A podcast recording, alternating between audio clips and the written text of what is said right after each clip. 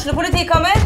Ine Jansen er purk. Er du purk? The motherfucking bitch. Alt jeg vil, er å finne ut hva som skjedde med mannen min. Jon Carew. Er jeg sikta for noe? Iben Akeli. Det er du. Ole So, Lars Berrum og Big Daddy Karsten. Hvem sin side er du på, egentlig? Anette Hoff, Tone Danielsen, Kommer du fra Afrika? Jørnis Josef, Nesten. Kløfta. Trond Espen Seim, Det er synd å si det, men det var feil mann som døde. Purk. Premiere tirsdag på TV2 Play.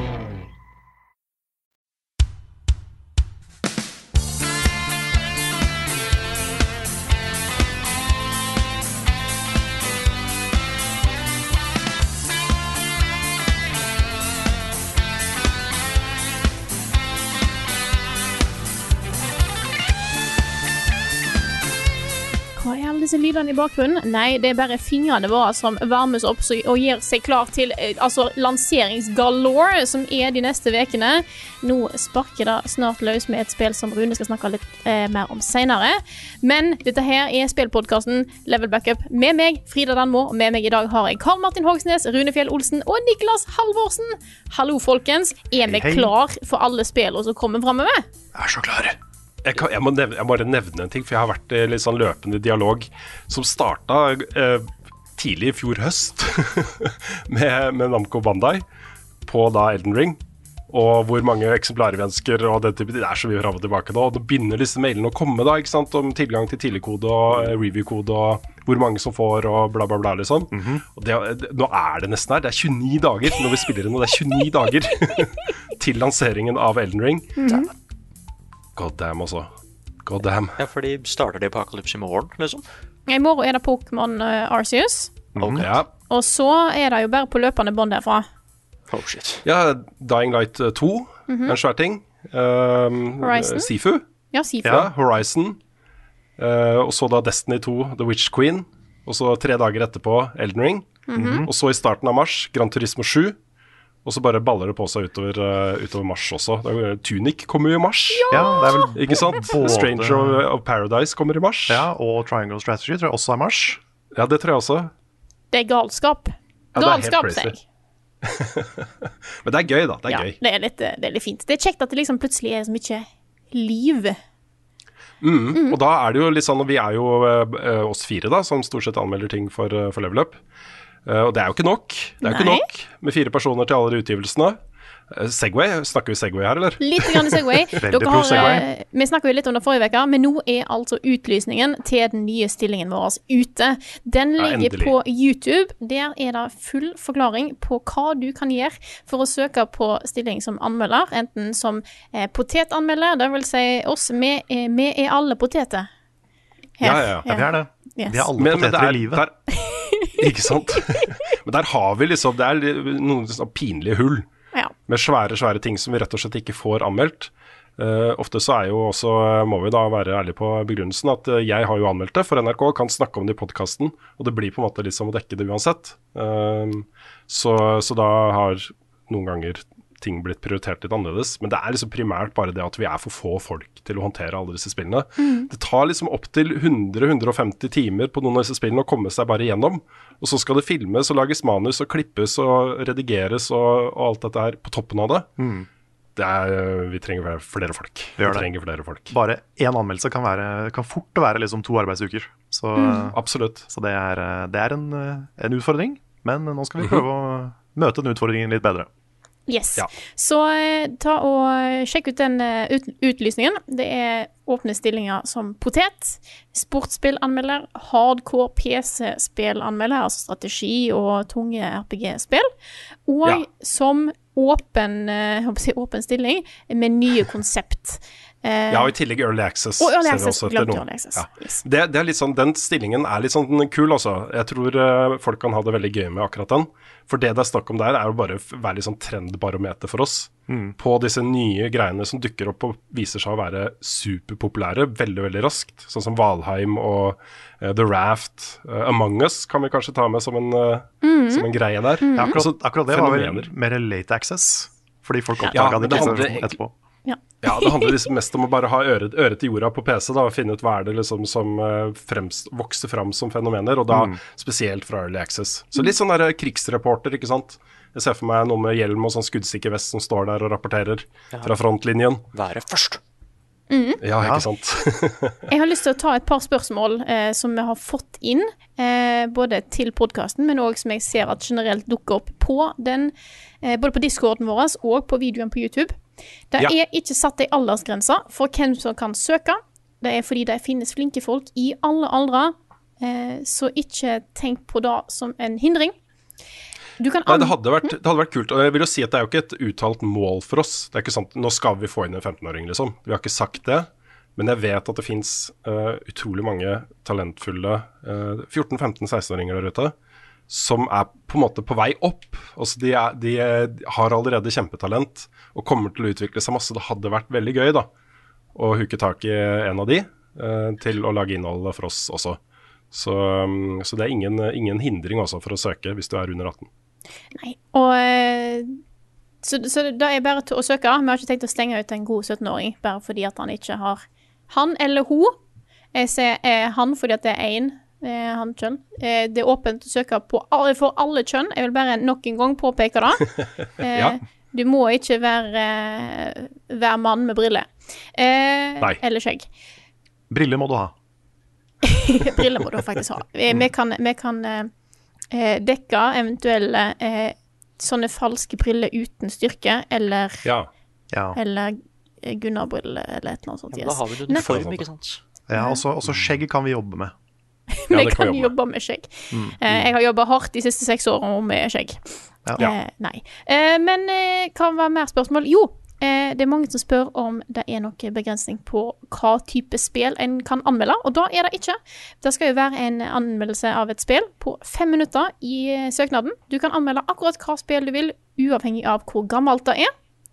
Ja, men innenfor da uh, sjangeren uh, som vi eh, etterlyser. Så hvis du søker på, på sportsspillanmelderstillingen, frilans, da alt er frilans, det må understrekes, det er ikke fast uh, ansettelser her, eh, så bør det jo da være et sportsspill. Hvis du anmelder liksom Dark Souls og vil bli sportsspillanmelder, så Å, kan det det være hadde vært morsomt. Ikke sant. Hvis du anmelder Dark Souls som et sportsspill. ja. ja. Det er noen sånne Ja. loopholes det går an å Ja, Ja, ja. Eh, og Nei, men hold deg til sjangerne. Gjør det. ja gjør det. Og så har vi et spørsmål vi har fått inn til podkasten, som jeg må jo ta opp, selvfølgelig. Eh, det er Jørgen Tveit Smådal som spør Hei, angående søknad til frilansjobb, er det smisk om jeg f.eks. anmelder Destiny 2 fordi jeg vet Rune digger Destiny 2, eller om jeg anmelder Kingdom Hearts, etc.? Ja, det der er eh, et eh, minefelt, altså. Det kan, eh, kan også øh, eh, jobbe mot det. Ja, det er litt sånn high risk, high reward. Ja, ikke sant? Eh, men samtidig da, så er det jo Jeg tror kanskje det kan være et sjakktrekk å anmelde noe som er litt, litt mer obskurt. For eksempel. Altså noe, Ja. som er, noe som er eh, litt mindre sånn obvious. Og så Ta kanskje noe, som ikke, Enig, noe som altså. ikke er ti av ti, i hvert fall. For deg. Ja, jeg, jeg kan i hvert fall si det sånn Hvis du, hvis du vil bli sportsspillanmelder, så, så anmeld gjerne Fifa hvis det er det du har lyst til å anmelde, men vær da klar over at eh, det kommer veldig mange andre til å gjøre, gjøre også. Så, så for å skille seg litt ut i en bunke med søknader, så, så er jeg enig med deg, Carl. Det kan være lurt å velge noe som ikke nødvendigvis er sånn helt åpenbart det alle kommer til å velge. Um, men eh, jeg må også si da at eh, det skal ikke ha utrolig mye å si, for vi må liksom prøve å nullstille oss for hver video vi ser. eh, og ta den videoen for det det er, og de kvalitetene den videoen har. Så, så vi skal få det til, altså. Uh, uansett. Om, om det er et obskurt lite spill, eller om det er et veldig veldig populært spill som alle har lyst til å anmelde, så, så får vi det til. Uh, det er på en måte ja. an, andre kvaliteter vi kommer til å se etter enn eh, det faktiske spillet som er anmeldt. Da. Definitivt. Det er sant. Det er sant. Og i tillegg, det er ikke sånn at hvis noen eh, anmelder ti av ti spill, så får de mindre sjanse til å få en Eller så får de ikke stillingen. Eh, Jeg anmeldte et spill jeg ga terningkast seks. Ja. Og jeg fikk jobb. Sånn at Det gjør jo anmeldet... Svendsen også. Så, Ja, Det er jo litt sånn fristende, fordi også grunnen til at det er eh, litt sånn gjenganger da, i disse prøveanmeldelsene, er jo at det er lettere å lage et eh, litt sånn fargerikt uh, manus hvis, hvis det er noe man føler mye for. Det er vanskelig å lage en god, vanskeligere da, å lage en god anmeldelse av et terningkast tre eller fire spill, liksom, eller en se- seks av ti, fem av ti, enn av ni av ti, ti av ti. Eller en én av ti, to av ti, for den saks Ja, skyld. mm, Eh, mm. og så de ekstremene er det lettere å lage med temperatur rundt da, når man skal anmelde ting. Så jeg vil jo si da også, som et tips til du, hvis du føler deg sånn skikkelig flink, og dette er du klar for, liksom. Klarer du å gjøre en seks av ti anmeldelse levende og interessant og spennende å se på, så kommer vi til å legge merke til det også. Ja, det er, en, det er uansett en veldig god øvelse. Ja, absolutt. Men eh, for å, for å oppsummere dette her, da, rett og slett. Gå inn på YouTube-kanalen vår, youtube.com slash levelupnord, og se videoen eh, som er rett og slett utlysningen for denne stillingen, hvis du er interessert i å søke. Eh, jeg vil virkelig anbefale alle som bare har et lite fnugg av interesse i å prøve å lage en søknad. Eh, det er uansett lærerikt for, eh, for alle, egentlig. For deg sjøl. Yeah. Så, Ja, så er vi, søk. vi er liksom åpne for å finne nye stemmer. Altså, ikke, ikke tenk at, at du skal ligne på oss, eller at du skal ha den samme type perspektiv på spill som vi har, og osv. Du kan gjerne ha det og søke, og kanskje til og med også eh, få jobben. Det er ikke noe hindring for å få den eh, jobben. Men vi er liksom også på aktiv, aktiv jakt etter folk som har litt andre perspektiver enn oss. Så, så hvis du liksom føler du ofte er uenig i våre vurderinger av spill, tenker at da kommer sikkert ikke til å få jobben, søk allikevel. Det kan hende at eh, din stemme er en stemme vi har lyst til å ha inn i miksen. Så, mm, så det, det er litt viktig for oss å få fram. Og søknadsfristen er da 13. februar. Mm, 13. februar. Det begynner å nærme seg eh, litt. Grann. Du trenger ikke ha noe utstyr på forhånd. Du kan spille inn eh, og lage anmeldelse på det utstyret du har, med mikrofon og kamera fra en telefon. Eh, det finnes masse gratis redigeringsprogram. Da Vinci Resolve er vel en av de. Ja, jeg lagde mine første videoanmeldelser for VGTV i uh, eh, Windows Movie Maker. Yes. Vet ikke om du fortsatt får tak i dag? Jeg vet ikke. Jeg vet ikke om det fortsatt er en ting. Men ah, du trenger ikke å ha eh, mikrofon eller kamera eller noe som helst sånt. Du kan bruke videoopptak fra trailere. Uh, slå deg løs. Ukens hotteste. Det er en, det er en litt tullete, eh, tøysete ukens hotteste denne uka her. Men det var rett og slett litt fordi at det plutselig tikka inn en melding fra Carl som spurte meg og Nick om vi hadde sett traileren til Palworld. Palworld. Palworld. Palworld. Palworld. Og da Ja, hadde er den vi ikke.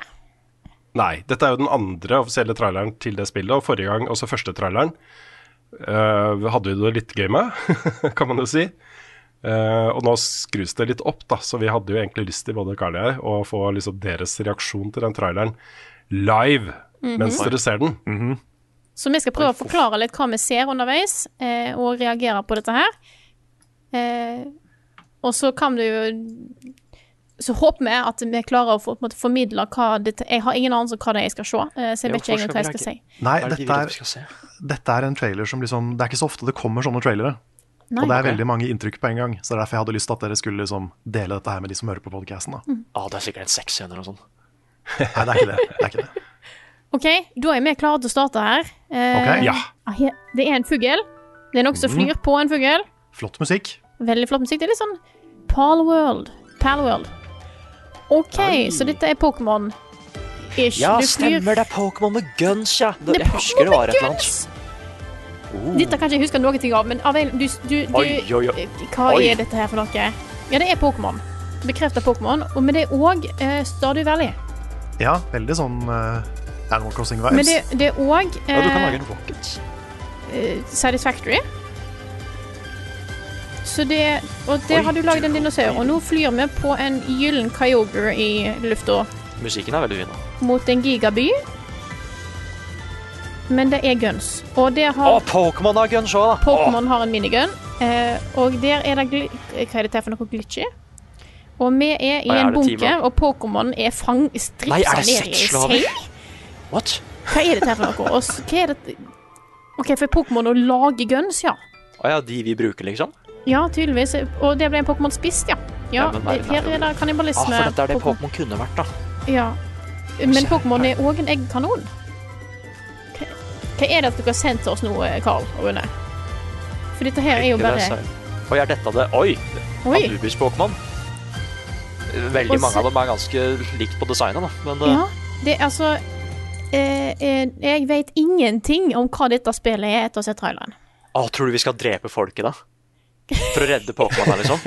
Ok, Nå er, nå er traileren ferdig, eh, og jeg Ja. sitter igjen med et inntrykk av at dette her kan fader meg være hva som helst. Ja. Ja. Ja.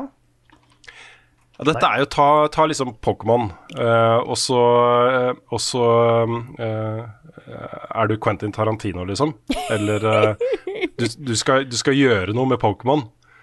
Ja, Og, det og gi dem maskingevær, og det er torturscener, og de står liksom sånn ulykkelige på samlebånd og produserer våpen og, og sånt. Men så er det også veldig sånn koselig sånn battlesystem, så du kjenner det fra Pokémon, og de fanger og utvikler Pokémon, ja, det, klekker ut av egg og sånne ting. Og så du kommenterte du kan bygge en, en rocket. Skal du til månen, liksom? Ja, Eller? for da var vel mm. hadde vært Satisfactory involvert i dette her. ja, ja, men for det er et kult konsept òg, fordi det må jo finne rom, liksom, alien-Pokémon, liksom. Ja. Men jeg skjønner ikke hvordan du kan både ha et koselig kampsystem og gi miniguns til Pokémonen. Nei, fordi kontrasten er det som gjør det, ikke sant? Det er det Ja. som er kult. Ja, Um, ja, fordi det som jeg syns er fascinerende med det her, er at Ja. dette er jo veldig veldig likt Pokémon, men det er tweaka bitte litt for å å gjøre det ekstremt feil. Det er veldig Mm. feil. Det er veldig veldig feil, og det er sånn Det, det føles jo som en kritikk av uh, uh, kanskje liksom de mørke undertonene i Pokémon. Men også liksom, du kan sikkert trekke paralleller til uh, overarbeid i spillbransjen, når du ser de der uh, Pikachu-lignende skapningene som driver og gråter mens de bygger guns på samlebånd. Ja. At det er, det er liksom en del Det har, det har litt teeth, da. Mm. ja, Så jeg fordi, synes det, er, det sier noe litt interessant, den, den traileren her. Og jeg håper liksom at det At spillet lener seg mer inn i det. da At det er en commentary på noe, det her. Ja, ja. Ja, fordi hva hvis twisten er at du er the bad guy, liksom? Fordi det var et klipp der hvor du liksom Du tok en lasso på en sånn stakkars eh, gris og bare kjørte med en nedover en sånn fjellkant.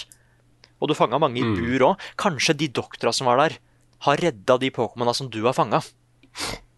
Liksom bare, Altså- dere, er, dere er egentlig trygge nå, uh, og derfor er det min bånd, fordi de er helt gærne. ikke sant? Og kanskje de som lagde guns, det er egentlig en sånn farm som vi kan lage, sånn at vi kan få flere guns. Uh, apropos det, Nick. Jeg har eh, Steam-sida til Palworld her. Ok. Og her står det under, eh, under kategorien Factory and Automation. Ja? Automation is essential for your factory production since your life must maintain a happy and carefree style. That's when the pals come to do the manual work for you. Build a factory and place pals in it. They will work forever as long as they're fed until the end of their lifetime or beaten by the factory boss. Hva i svarte The meaner the factory boss, the quicker you get results, or quicker your pals reach their destiny. Verst er, jeg sa det bare på tull. Men så viser det seg å det er akkurat det, det er det spillet her. det er, Altså, dette er jo slav, slaveri. Ja, Ja. ja det, er, det er mange ting. Det er slaveri, og det er dyreplageri, og det er mye fælt. Ja. Men det er jo litt sånn Pokémon er. De er liksom, de rusler rundt og har det fint, og sånt, og så kommer du med de dumme ballene dine og fanger de og trener de opp til å slåss med andre Pokémon. Og, eller bare setter en innhegning. Uh, Ja. Og og de- har de, har de på gress, liksom. ja. Ja, altså Det, er, det er jo den jævligst mulige tolkningen av Pokémon. Det er, ikke sant? uh, men det er, det er noe interessant i det likevel, da. Altså, for jeg, jeg syns at uh, alt så så koselig ut. Alt Ja. så veldig bra ut. Det er veldig bra eh, ser ut til å være veldig bra design på ting her. Da skal de ha. Ja, Det spillet her har liksom endra seg litt fra første traileren, føler jeg da. Fordi den første traileren var litt mer preg av å være en sånn ha-ha, nå skal vi bare kødde med ting, liksom. Mens denne virka mer fokusert inn mot et budskap og eh, noe bakenforliggende som eh, kanskje kan treffe litt hardere, da, enn bare ha-ha Pokémon with guns-filosofien, liksom. Ja. ja, for det føles som en sånn veldig lite subtil kritikk av liksom eh, litt sånn ekstrem kapitalisme og eh, ja, factories og alt disse, disse greiene her. Og fæle sjefer og crunch og alle de tinga. Ja, sikkert NFT og krypto også. Sikkert det også. Ja, helt sikkert. Ja. Ah, det er Vet vi, vet vi noe dato eller lanseringsvindu på dette her? Skal vi se, det står 2022, mener jeg, men eh, Ja, det står bare 2022. Da er det bare til å glede seg til, eh, til en koselig adventure med Pokémon og guns og slavearbeid. Yes. Det er litt sånn der I hate you, but I respect you. Mm -hmm. Det er den følelsen jeg får av å sitte og se den traileren her. For det, det er så fælt. Og jeg, jeg kommer til å bli så lei meg av å sitte og spille det, men jeg, det er samtidig så effektiv kunst, da. Håper jeg, i hvert fall. Ut fra traileren så ser det ut som det er det er det det er. Nå skal det skje noe som jeg aldri trodde ville skje i Level Ups historie noen gang. Okay. Nå skal Rune Fjell Olsen fortelle Frida Danmo, Niklas Halvorsen og meg om et nytt Pokémon-spill. What? Nei, sant, det har jeg ikke tenkt på. Ja, det er, eh, det er jo litt morsomt. Det er litt morsomt, For jeg fikk jo ikke uh, Pokémon Snap var det første Pokémon-spillet jeg anmeldte for eh, NRK. Eh, men det fikk jeg jo ikke tidlig. Det fikk vi samtidig, Karl. Stemmer det? Men nå har jeg da fått tidlig tilgang til uh, Pokémon Legends Arceus. Og det har ikke jeg. Og, nei. Uh, og det er jo, jeg må jo forklare det for lytterne våre, da. Det er jo fordi uh, Nintendo har en policy eh, om at altså, det skal mye til hvis du er en YouTube-kanal. Hvis YouTube er din primære publiseringskanal for spillinnhold, skal det utrolig mye til for at du får lov til å få tidligkode fra Nintendo, uansett hvor seriøs du er. Det er på en måte en sånn blanket policy de har innført, da. Eh, NRK er jo ikke der, de er et litt annet sted. Det er lettere for NRK å få tidligkode. Og så vil jeg også nevne at eh, jeg vet ikke engang hva eh, betingelsene i den NDA-en, altså Non-Disclosure Agreementen som NRK signerte, var. For de har da valgt å publisere anmeldelsen etter at NDA-en løper ut. Sånn at de eh, betingelsene ikke gjelder. Og Der har vi da sett gjennom uka som har gått nå, at uh, dette spillet har jo lekka. Folk sitter jo og spoiler alt mulig rart om det spillet på internett nå. Um, så hvor effektiv uh, denne begrensningen Nintendo har innført da, på, på det å kunne anmelde disse spillene i god tid i forveien, hvis du er seri et seriøst uh, med det, jeg er litt usikker på hvor effektivt det er også. Det er uh, i hvert fall når du ser hva som har skjedd her. Ja, Leakers gonna leak. Helt riktig. Men jeg har da altså spilt uh, Pokémon Legends Arceus. Uh, jeg må jo da legge til sammen med uh, sønnen min, Sam. Oh. Som, uh, som jeg også bruker litt i tekstanmeldelsen som ligger ute på NRK uh, no slash anmeldelser nå. Um, hvor det kommer vel litt fram at kanskje han er litt mer positiv til spillet enn jeg er. Men jeg får jo forklart liksom, mitt utgangspunkt også. At når jeg ikke er en ekspert på Pokémon selv, så kan, kan man jo bare lage sin egen ekspert.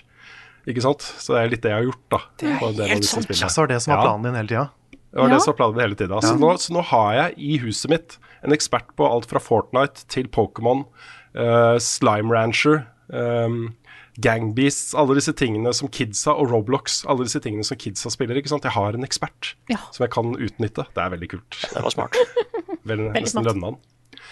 Men det, jeg, jeg har ikke lyst til å si altfor mye om, om Arceus, for jeg tenker at, uh, at uh, Level Ups mening om det spillet først og fremst skal få lov til å være din, Carl. Du kan komme tilbake til det, for nå setter du, du deg ned med dette spillet i natt. Så kan vi komme tilbake til det også neste uke.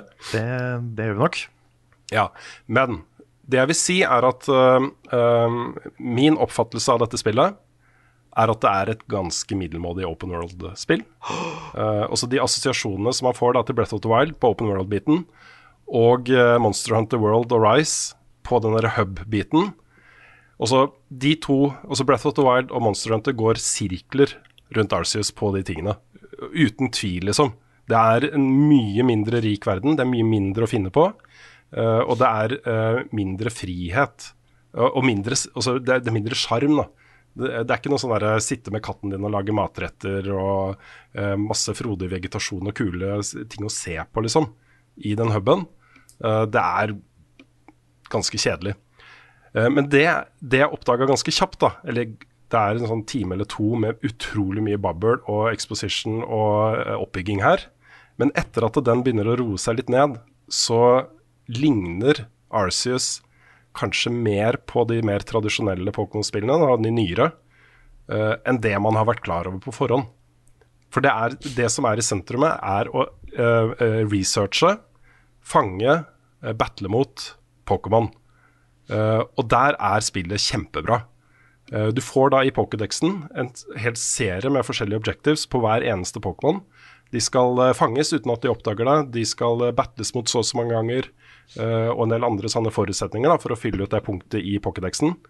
Eh, og det gjør jo at når man går ut og, eh, utenfor da huben, og ut i disse verdenene som er rundt, rundt der, så får man den der gleden av å eh, eh, Som jeg kjenner den fra Pokémon Snap.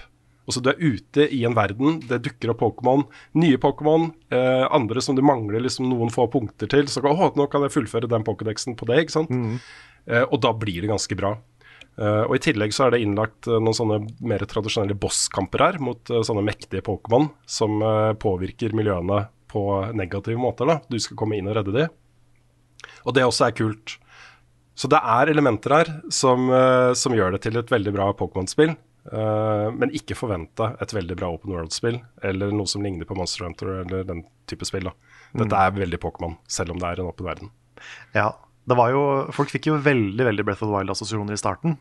Og Ja. den første traileren til spillet også virka som den prøvde veldig hardt å skape det inntrykket. da. Men uh, jeg har, jeg, jeg har senka forventningene en del siden da.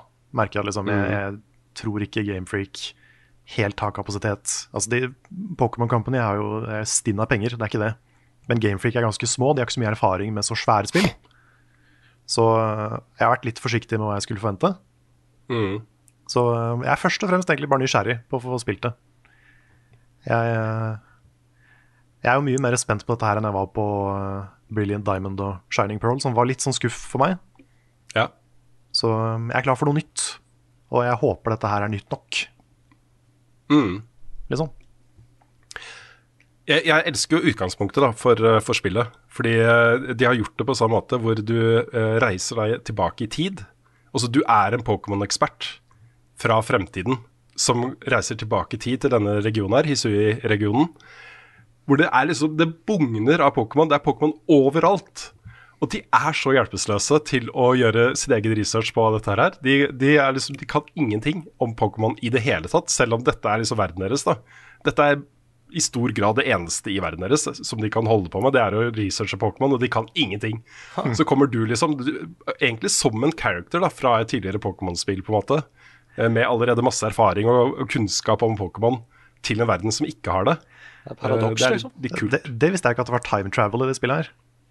Nei, dette er jo, eh, sånn som jeg har forstått det, Hisui-regionen er forløperen til, eh, til eh, en annen Ja. eks eksisterende region. Dette fra er det som 4. Ja, så sånn, litt sånn som i sant? hvor du kan være i et Tyrell som foregår lenge, lenge før det som har skjedd i et annet spill og sånt. Dette er litt sånn, da. Men det syns jeg er kult, fordi det er en sånn ting som Pokémon aldri har gjort før. Det har gått tilbake i tid, og liksom før pokerballer, altså vanlige pokerballer, og før alle disse tingene her. Det har vært veldig lite utforsking av liksom forhistorien til Pokémon-universet. Det, er litt, eh, det er en litt sånn kul idé, syns jeg. Ja, det var liksom bare én film. Ja, Har det vært en film? Ja, den med Shelby. Da reiste de tilbake i tid. Da hadde de sånne ok. trepokerballer og sånn. Ja, Den har jeg ikke sett. Ja, det er nok litt inspirert av det, for disse pokerballene her er også lagd av tre og et annet materiale jeg ikke husker i farta. Eh, Men grunnen til at jeg har gjort det på den måten, er at her kan du da eh, ha Pokémon fra mange forskjellige generasjoner og regioner. Dette er på en måte litt sånn opphavet til, eh, til regionsinndelingen vi kjenner fra andre Pokémon-spill. da. Så da kan du møte liksom Pokémons da som normalt sett ikke hører sammen, på samme måte som i Pokémon Snap. Det, er- det, det syns jeg er et kult element med det spillet her også. Så da kommer vi nok eh, masse tilbake til eh, Arceus eh, i level up-sammenheng seinere, men anmeldelsen min ligger da ute på NRK. Jeg gir det da en terningkast fire. Såpass syns jeg det fortjener. Ja. Uh, hvis du er veldig, veldig inne i Pokémon Sønnen min mente det fortjente en terningkast fem, men jeg kan jo ikke la han sette terningkastet, så Kan du ikke det, altså? eh, kanskje litt sånn kompromiss, da. Ja, kan du ikke legge inn en sånn uh, Sam sin score under din? Ja, jeg har sagt at han likte det bedre enn meg i anmeldelsen, så Ja, okay, ja. folk får trekke sine egne slutninger. men jeg, men jeg syns jo som anmelder og som en ikke-ekspert av Pokémon, at de kunne gjort mer ut av åpen verden, og at de kunne gjort mer ut av huben. Eh, i, lagt inn mer aktiviteter og ting å finne på, ting å gjøre, eksperimentere. Og det var litt gøy å se på Sam også. Det første han gjorde i det øyeblikket man fikk muligheten til å utforske verden fritt utenfor huben, var jo ikke å følge Quest-markeren. Det var jo gå til høyre skjene over fjellet og liksom komme seg over der det ikke var meningen han skulle gå, for å se hva som var der. ikke sant? Hva kan jeg finne på for noe gøy i den verden her? Det var jo første instinktet hans uh, når han fikk tilgang til en åpen verden. Og der finner han jo ingenting, annet enn Pokémon, da, som han kan uh, fange. Så, så det er nok uh, litt det, Vær klar over det, liksom. Ja. ja, men det er, det er faktisk bedre enn jeg frykta. Ja, ja. Nei, eh, det er et bra Pokémon-spill. Og jeg har jo spilt litt Pokémon-spill eh, via sønnen min og sånt opp igjennom nå, da. Eh, Fordi han har jo vært ganske interessert. Så, så noe har jeg spilt. Jeg er ikke helt blank på det, liksom. Jeg kan se da at, at det er et bra Pokémon-spill. Så jeg tror nok du kommer til å finne ting du liker der, Karl. Nice, nice. Skal dere spille det, Nico og Frida? Ja. Jeg har planer om det, men jeg er litt usikker på om jeg har tid akkurat nå. Men jeg har lyst til å få testa det ut. Det har jeg. Ja, jeg, har lyst til å, jeg har lyst til å leve litt før the apocalypse. Yes. Ja, det er bra. Og så må jeg også nevne at jeg har eh, også på fredag så kommer jo også Uncharted Legacy of Thieves Collection til PlayStation 5. Og det er jo PS5 remasters av eh, Uncharted 4 og eh, eh, Åh, hva heter den, da? Uh, Lost Legacy. Lost Legacy, selvfølgelig. Som jo in, er en, en, en eh, sidehistorie av Uncharted 4 med noen av de samme rollefigurene og, og sånt. Um, jeg har spilt et par timer da av Uncharted 4, og det er en utrolig fin um, oppussing, altså.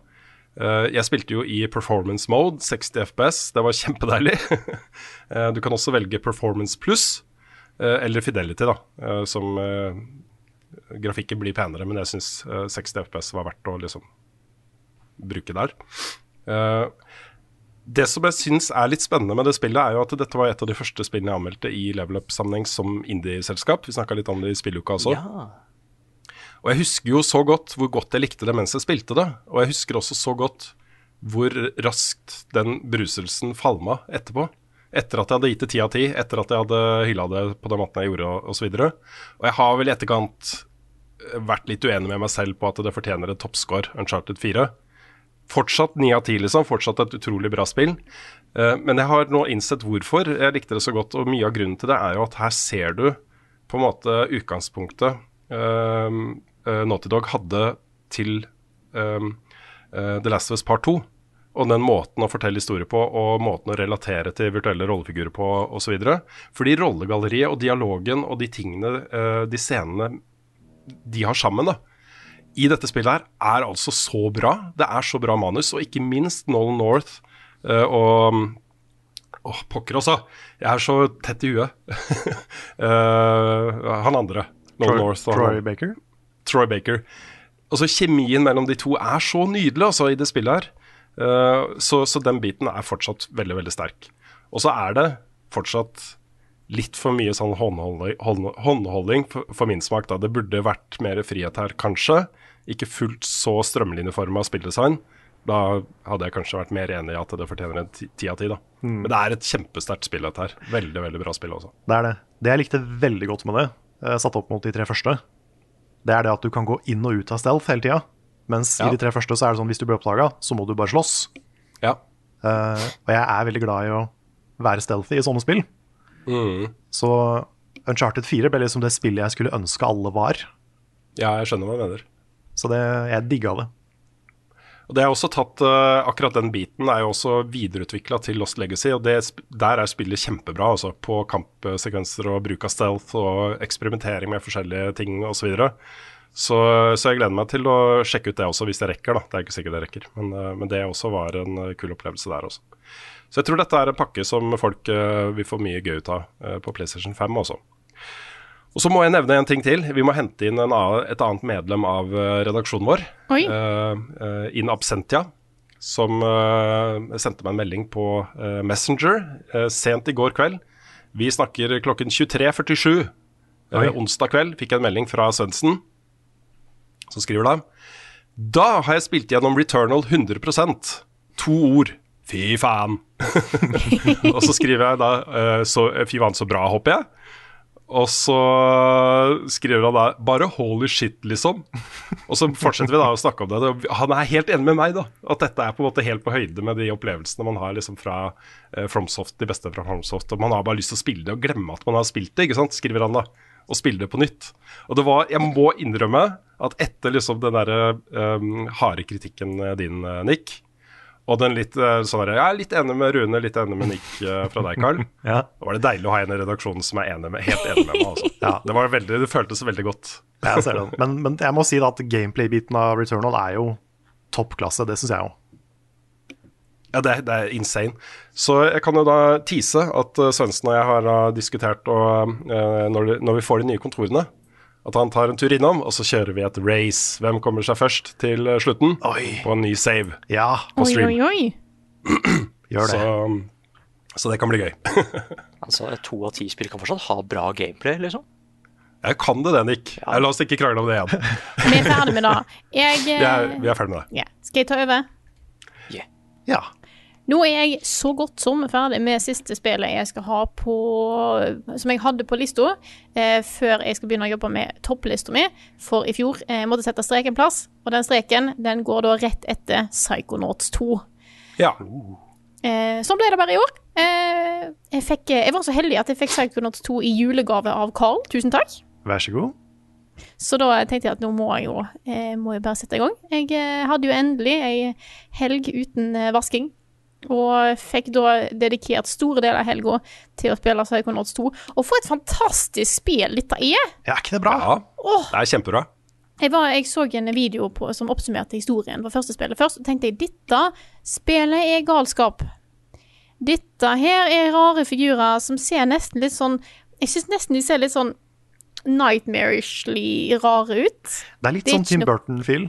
Ja, Mm. men jeg syns, eh, jeg syns nummer to har klart å holde på den stilen, men det er ikke så Ting er ikke så stygt, hvis jeg Altså, du må huske at uh, I 2005, da, som Psychonauts 1 kom ut, så, så var jo de grafiske mulighetene litt mer begrensa. Og de har jo lagt seg på en veldig sånn håndtegna stil. Hvis, også ikke, det er ikke håndtegna, men det er eh, eh, overdrevet. da. Det er cartoonish uh, stil på det. Det er ikke en eneste rett strek i spillet. Ikke sant? Eh, også en del av designfilosofien til spillet, selvfølgelig. Eh, men det gjør jo, da, med de eh, litt mer begrensa tekniske mulighetene i 2005, at ting ser litt mer sånn kantete og uh, weird ut. Eh, ting er litt smoothere nå, liksom. Ja da, jeg tenker ikke nødvendigvis på kantene. Jeg bare, det er noen av karakterdesignene som jeg syns er litt Altså, ting så annerledes ut da, eh, men jeg syns at ting Altså, i dag så har de nå klart å få mer fram litt sånn humor rundt det enn at det ser Det ser ikke stygt ut, det forrige heller. Jeg bare syns at uh, karakterene ser litt mer festlige ut nå, hvis jeg mener. Uh, men uh, for en verden, for en kreativitet. Det er jo så så mye variasjon, og måten ting er gjort på, er jo helt insane. Du kan jo virkelig aldri for, forvente noe som helst om det spillet her. Og digge digger historien og karakterene og alt. Så nå eh, sitter jeg bare og Jeg tipper jeg har et par, par-tre timer igjen, vil jeg tro. Eh, jeg gleder meg. Jeg eh, tenkte jeg skulle bare vente at jeg har tid til å få med Sette meg ned og få alt i én sitting den siste biten. Så eh, storkoser meg med Psychonauts 2, altså. Utrolig bra stemmeskuespill i det også. Ja. Når du har liksom uh, cameos fra både liksom Jack Black og um, Elijah Wood. Og så satt jeg, eh, jeg satt og spilte, og Petter så på han òg, og han var jo helt, helt eh, imponert over spillet. Han er jo vanligvis ikke en sånn type action-plattformer-type eh, gamer. Eh, og vi satt og holdt på dette her, og var i en litt sånn eh, Jeg skal ikke spoile noe, spoile noe ting, men litt sånn kasinoinspirert verden. Ja. Eh, og så hørte på et, eh, et par eh, skeletons. Og plutselig sånn Dette er folk jeg har hørt før. Og da viste det seg dette hadde jeg, jeg, jeg hadde ikke tenkt på det før, men jeg kobla noe jeg hadde lest. Eh, det var jo to personer fra eh, YouTube-firmaet Funhouse eh, som plutselig dukka opp. Hva er de Så der jo Er de der òg?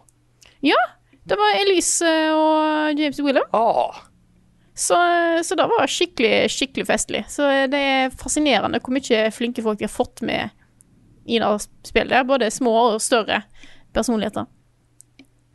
Så eh, yeah, positiv. Dette kommer jeg til å snakke om i topplista, definitivt. Da eh, havner jeg i topp ti. Nice. Jeg, jeg, jeg følte meg ganske sikker på at du kom til å digge det, Frida. Ja, jeg også. og det er saken oss to er også med da, i de to, topplistene som, to topplistene som er ute på kanalen vår. Både min og din, Karl. Det er sant? Veldig fine topplister, de òg, Rune. Det var Tusen takk det. for det. Takk, takk. Takk, takk. Og med det så gir jeg ordet videre til, eh, til Nick. ja. Ja. Eh, fordi jeg sitter og spiller Final Fantasy nå. Gjør du det? Nå? Ja, fordi det jeg gjør, er at jeg, jeg kommer ikke helt inn på serveren, for det er fullt. Eh, Så jeg driver bare og, jeg driver bare og aksepterer at ja, jeg har lagd en karakter, jeg skal inn i the world, men den er fortsatt full. Ja. Jeg, jeg får feilkoden 3079 her. Ja, Så jeg jeg spiller tror- det egentlig ikke, men jeg er der. Ja, jeg visste ikke at det var sånn, men tydeligvis så Så lenge det er kø på serveren, så får du ikke lov å lage nye characters. Nei. Og det, det er litt synd, men eh, det er jo ganske fullstappa om dagen. Men nå har de nettopp begynt å selge det igjen, Mm. så eh, det skal jo være mulig å begynne å spille det. Jeg jeg vet at eh, Emil, som vi kjenner, han kom inn i går. Ja. Så det er mulig, men du må nok mest sannsynlig logge på enten tidlig om morgenen eller seint på kvelden for å få lov å starte karakteren din. ja, så jeg tenker at eh, Jeg trodde du skulle gå nå, men da gønner jeg på i kveld. Yes. Jeg er veldig veldig spent på hva du syns, Nick. Å, tenk hvis jeg bare hater det. Jeg har spilt så mange MMOs, ikke sant? Ja, det kan hende, men, eh, men hvis du trenger, Men du eh, trenger hjelp til dungeons, så må du si fra. Yeah. Skal du spille alt, liksom? Fra starten av, eller hopper du inn og booster karakteren opp til nytt nå? Nei, det kan man ikke. Jeg må, Nei, det kan, ikke. Nei, man kan jeg, ikke jeg må få Du, du meg kan, men du burde ikke. Nei, jeg, jeg, jeg skal gi det en reell sjanse, liksom. Ja. Ehm, jeg er en sånn der hvor Jeg syns jo Crystal Chronicles var det beste Final Fantasy-spillet fordi historien var så enkel og fin, ikke sant? Um, fordi fant fantasien i Final Fantasy er litt um, Den er litt tullete av og til, syns jeg. Det er for mye fantasy. Det er mye fantasy. Det er det. Uh, og da føler jeg at av og til så er det ikke én bestemt visjon. Det er sånn, Det hadde vært kult hvis vi gjorde fem andre ting òg? Men jeg føler at det liksom i eh, Final Fantasy 14 her Det er litt weird der òg. Jeg trodde det var Medieval Fantasy, men det, jeg har sett et romskip, liksom. Uh, men, jeg, men jeg kan Jeg kan få det til å funke litt, liksom. Mm. Det ser litt mer ut som en sånn klarrevisjon. Ja, det er en jeg- veldig sånn realisert verden. Det henger Ja. liksom på greip, selv om det er veldig mye. Så da håper jeg at jeg også liker historien. Og at jeg blir investert og sånn. Mm. Så- Det er, eh, dessverre så er jo den uh, dårligste biten av historien er jo starten. Det Ja. blir jo ikke ordentlig bra før første expansion, men eh, kommer du deg dit, så blir det veldig bra. Ja, det, det fikser jeg. Det har jeg lyst til å få til. Nice. Jeg er veldig spent. Og eh, bare let me know, så hopper jeg inn. Da kan vi gå litt rundt sammen. Det kan vi gjøre. Uh, men uh, så det andre spillet jeg har spilt, da, det er jo mer Hollow Night. Oh, Det det har du. holder nytt. Ja, Vi lager serie. det gjør vi. Eh, og du vet, eh, det er kult. Det er altså så gøy å se deg spille det spillet der, og jeg anbefaler alle, også, selv om du kjenner til Hollow, Nick, eh, Hollow, Nick, Hollow Knight litt fra før. Det å se Nick spille det er en litt annen opplevelse. Det føles som det er litt vårt eget uh, GDC, eh, GDQ, mener jeg. eh, litt grann. Eh, her ser du en som bare tar supervanskelige bosser på første forsøk. Dårlig gjort. Ja, det er dårlig gjort, altså. Men det er, Det er det gøy er, å se på, da. det er fascinerende, for jeg føler liksom at jeg kan sitte og analysere hva som foregår inni huet ditt eh, når du slåss mot bosser. Nick. ja. For det er sånn, Først så er det sånn Oh shit, hva skjer nå? Og så Du går så fort fra det til å liksom plukke opp movesets og sånn. ja. Og den prosessen går, den er så ut, sånn umenneskelig kjapp for deg. det, er, det er Dark Souls-genet, liksom. Ja, det er det. Men, uh, Ja, men selv det det, er liksom også Min måte å spille disse spillene på her, for det hadde vi en liten diskusjon på i forrige seanse også, at jeg har jo runda mange vanskelige spill, jeg også. Inkludert Returnal og Dark Souls-spillene og sånne ting. Men jeg står ofte og stanger, altså. altså min uh, realis uh, realisering av hva jeg må gjøre for å få det til, kommer ganske seint. Jeg må liksom få en del repetisjoner inn, og så går det opp et lys, og så begynner det å sitte i fingrene. Mens du bare sånn Hei, har du det angrepet, ja? Og så neste gang han gjør det angrepet, så vet du akkurat hvordan du skal kontre det. Det er fader, altså. men det er, jeg også er litt sånn, for jeg, jeg, det er så fristende å begynne å brute force. Ja. Det øyeblikket du får litt panikk, så er det sånn OK, nå må jeg bare gjøre litt skade, ellers så kommer jeg til å dø, liksom. Og så blir man fanga litt i det tankesettet, og så dør man. ja. Så er det å motstå den, da, som er, mm. det er en eh, viktig skill. Og jeg syns de er så godt designa, fordi de har så veldig eh, det, Telegraphed, er det det heter? Ja. ja. Ja, De er veldig flinke til å si hva de skal gjøre. Mm. Alle bossene, liksom. Både liksom til voice og animasjon og Jeg syns det er så gøy å finne ut av de bossene. Og det har vært mange bra bosser. Jeg må si at uh, de bosskampene i Hollow Night Jeg har ikke tenkt på det før nå, men uh, siste bossen i Metroid Dread minner meg litt om det du møter i, i Hollow Knight. Ja, det er sant. Med sånne der, uh, angrepene du, Hvis du følger godt med, så skjønner du hvilket angrep som kommer, og kan gjøre den tingen du må gjøre det. Ja. Og det er bare, til som regel bare én ting du kan gjøre for å unnslippe akkurat det angrepet det han kommer med der. ikke sant? Mm. Det er veldig samme type boss-design. Mm. Ja, det er kult. Nei, så jeg har, jeg har veldig lyst til å spille mer. Den har vi, Nice. den har vi Så jeg, til. så jeg tar gjerne et par sessions til. Hell yeah. Nei, det var, det var kjempegøy forrige gang. Og nå eh, kommer det episoder framover av den, den session også. Yeah. Så eh, det, vi er jo litt lenger fram i tid enn det serien er. Men eh, vi kommer til å fortsette. Det blir bra. Og da, Carl, hva Ja. har du spilt i det siste? Nei, jeg har jo hatt litt sånn eh, Holdt på å si åpent Åpent spillbibliotek, nå som jeg venter på Pokémon. Ja. Så jeg tok anledningen til å teste noe som jeg ikke har spilt før. Og det kommer litt av at jeg har fått en ny forkjærlighet for deck builders etter Inscription. Jeg visste ikke at det var noe for meg, men så oppdaga jeg at jo, det var veldig veldig noe for meg. og da har jeg kasta meg på Slay the Spire. Ja. Herlig. Da tre år for seint, for det kom jo for eh, nesten nøyaktig tre år siden. Og det er et fantastisk spill, altså. Det er jo nesten identisk som første akt i Inscription, eh, sånn gameplay loop-messig, med at du eh, slåss mot vanskeligere og vanskeligere fiender eh, i et sånt turbasert kortspillsystem. Og får nye kort når du tar ut en fiende, eh, får litt mer sånn pass passive abilities og forskjellige ting for å bygge opp den beste liksom, kortstokken du kan. Da. Og bare det å på en måte for det første få veldig mye grisehjuling av det spillet i starten, men så sakte begynne å liksom forstå hva du må gjøre, synergi og sånn. Um, hvordan du skal bygge opp uh, arsenalet ditt da, for å liksom faktisk få det til. Den mestringsfølelsen er så, sånn, den er så intens. Og du føler deg så mye mer smart enn du fortjener, egentlig. Og så er det veldig mye flaks også, så du må jo være forberedt på at det er, dette er jo RNG the game. Du må jo liksom få de Få muligheten til å få de korta du trenger og sånn. Men når det bare klaffer, når du begynner å liksom få et bra run, så er det så gøy. Det er sånn nå da, Du føler deg så badass, og du føler deg så eh, flink, da, på en måte. Og så har jeg nå runda det, altså kommet til toppen, fullført et run med alle de tre første karakterene, eh, som da åpner opp den hemmelige fjerde siste bossen. Og da jeg kom til den, så hadde jeg liksom det beste dekket jeg noen gang har hatt.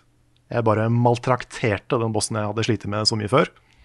Kom opp til den siste boss, var så sikker på at dette her går. Ble grisebanka. Oi, Ja. OK. Og da, det, var så, det var så brutalt at det var sånn Dette er jo ikke mulig. Jeg aner ikke åssen jeg skal gå fram for å gjøre det her. Og så prøvde jeg igjen. Hadde enda et kjempebra dekk. Og bare OK, maybe there's a chance. Og ble grisebanka igjen. Ja. Og så, tredje gangen, prøvde jeg en helt annen strategy. Som, uh, som gikk ut på å liksom ha færrest mulig kort, men best mulig kort. Sånn at de alltid fikk liksom de samme korta hver runde. Sånn at jeg kunne fortsette å bøffe og bøffe og bøffe og liksom bli bedre og bedre og bedre på kort tid. da. Og da klarte jeg det. Nice. Og det er, den, det er kanskje en av de tøffeste bossfightene jeg føler jeg har klart å overvinne nesten noen gang i spill. For det, det føltes så umulig den første gangen. Men så likevel klare å komme seg opp. Det var, det var gøy, ass. Det var ordentlig, ordentlig gøy. Så, eh, så hvis noen spiller Slay, Slay- the Spire, og vi har hatt tips, det gjelder også for så vidt Inscription, så er det at man, det er lett å tenke at man burde ha mange kort til mange forskjellige situasjoner. Men det er mye, mye bedre å ha få kort. Så få kort som mulig, nesten, så lenge de korta er bra. For da har du så mye mer kontroll fra runde til runde og få- på liksom hva du kan gjøre, og benytte deg best mulig av de, eh, de skillsa du har, da. Hmm. Yeah. Så eh, det var et sånt puslespill å, å lære seg det spillet. Jeg fikk jo litt igjen for å ha spilt Inscription, fordi jeg er såpass like at det er litt overførbare uh, skills her. Men uh, nei, det var kos, ass. Det var så kos at jeg har vært litt sånn skummelt stygghekta i uh, noen dager nå. Så eh, nå som jeg har tatt bossen, så har jeg latt, lagt det litt fra meg. Så nå skal jeg, hvis jeg hopper inn i det igjen nå, så kommer jeg til å være stuck i timevis. Så jeg er litt forsiktig med å fortsette nå. Hvilken score hadde du gitt det? I hvert fall ni. Oi, oi, oi. Det er såpass, ja. Ja, det er jo bra. Det er veldig bra. Og det, det er jo på en måte Inscription, bare minus eh, historien og metanarrativet rundt eh, og sånn. da. Så jeg er jo fortsatt hakket mer glad i Inscription pga. at det har det. Alt det andre, liksom. Men bare gameplay-loopen er kanskje hakket bedre her. Fordi kortet er litt bedre balansert. Litt vanskeligere å bare breake spillet fullstendig, satt opp mot eh, Inscription. Så eh, hvis noen har spilt Inscription eller Slay the Spire, uh, og er, er nysgjerrig på det andre, så er det sånn Det fins ikke noe safer anbefaling. De to spillene er liksom liker du det ene, så liker du det andre. Så det var et skikkelig, skikkelig bra bekjentskap.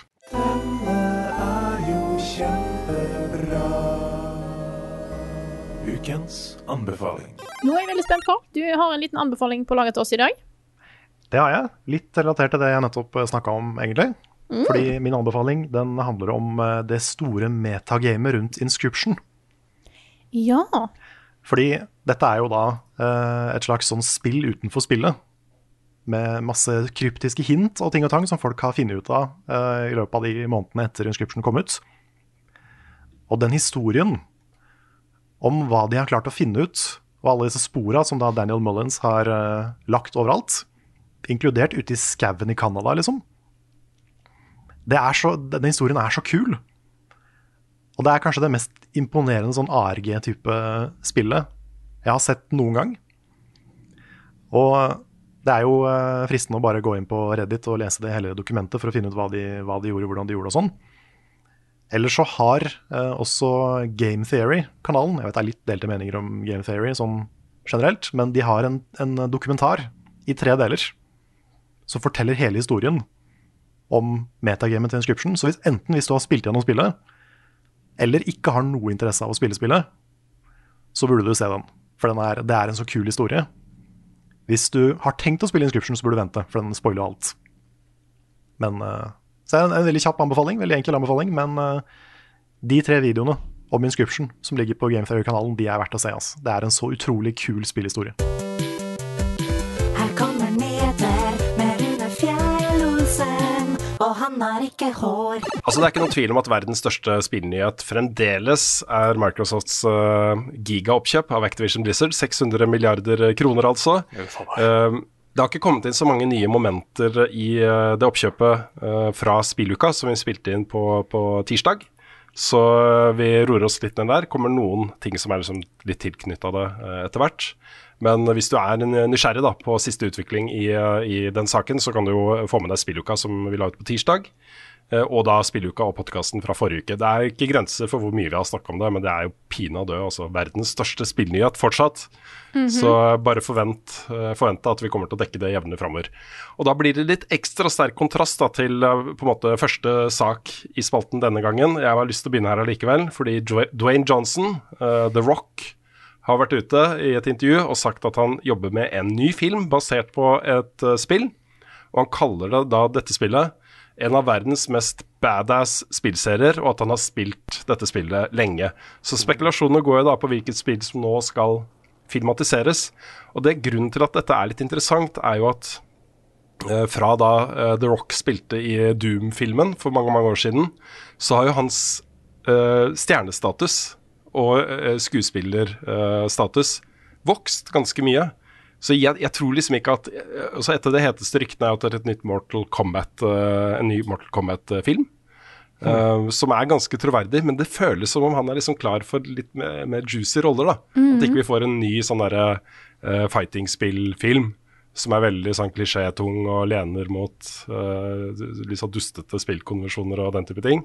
Og at det kanskje kan være noe annet. Så um, det har vært uh, gøy å spekulere i hva denne filmen kan være for noe. Jeg, holder, jeg må jo si jeg holder en liten knapp på Fortnite, ja, også, selv om det ikke passer så godt med Badass, kanskje. Ja, For han er vel med i uh, Fortnite, er ikke det? Ja, det ble jo avslørt nå på det eh, forrige store eventet i Fortnite at uh, The Rock var jo The Foundation. The Foundation, og Det er syv sånne superkarakterer da, som er fletta inn i denne historien, hvor han er liksom den største og mest badass av dem. Så hans rolle og The Foundation sin rolle i Fortnite er badass. Så jeg kan godt liksom se for meg at han omtaler det som badass, men kanskje ikke da liksom um, andre på internett og sånt. Så det er sånn nærliggende å tro da, at kanskje de gjør et eller annet med, med hans uh, rollefigur fra Fortnite uh, på film. Det kunne blitt en ganske kul film, altså. Så ellers så har jeg også spekulert at det kan være Gears of War. Jeg ser veldig for meg uh, The Rock som en av karakterene i Gears of War. Det kan jeg se. Mm, jeg kan til og med kanskje se, med, se han for meg som eh, Master Chief i Halo. Ja, Wolfenstein, Han har kanskje? liksom høyden og fysikken til det, liksom.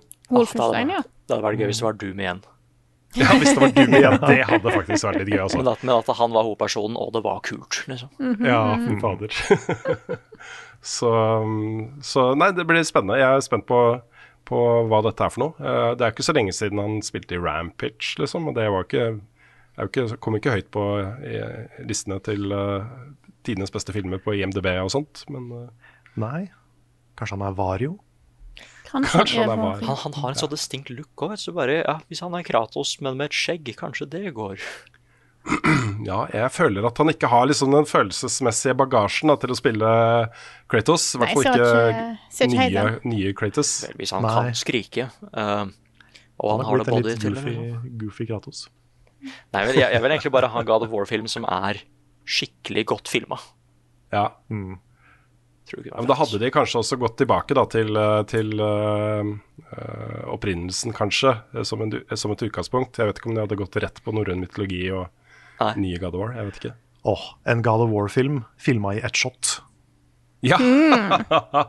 ja, for det var jo den beste, den eneste gode scenen da, fra Doom-filmen også. ikke sant? Det var det shotet hvor eh, du plutselig var i en FPS og fulgte, liksom, du så våpenet på samme måte som i Doom og, og sånt. Så, Kanskje det er ja, okay. Black Adam igjen, men han tenker på at det kommer et spill av Black Adam òg, så det er allerede det kuleste spillet. Ja. Ja. Eller enda en Jumanji. Mm. Ja, det kan også hende.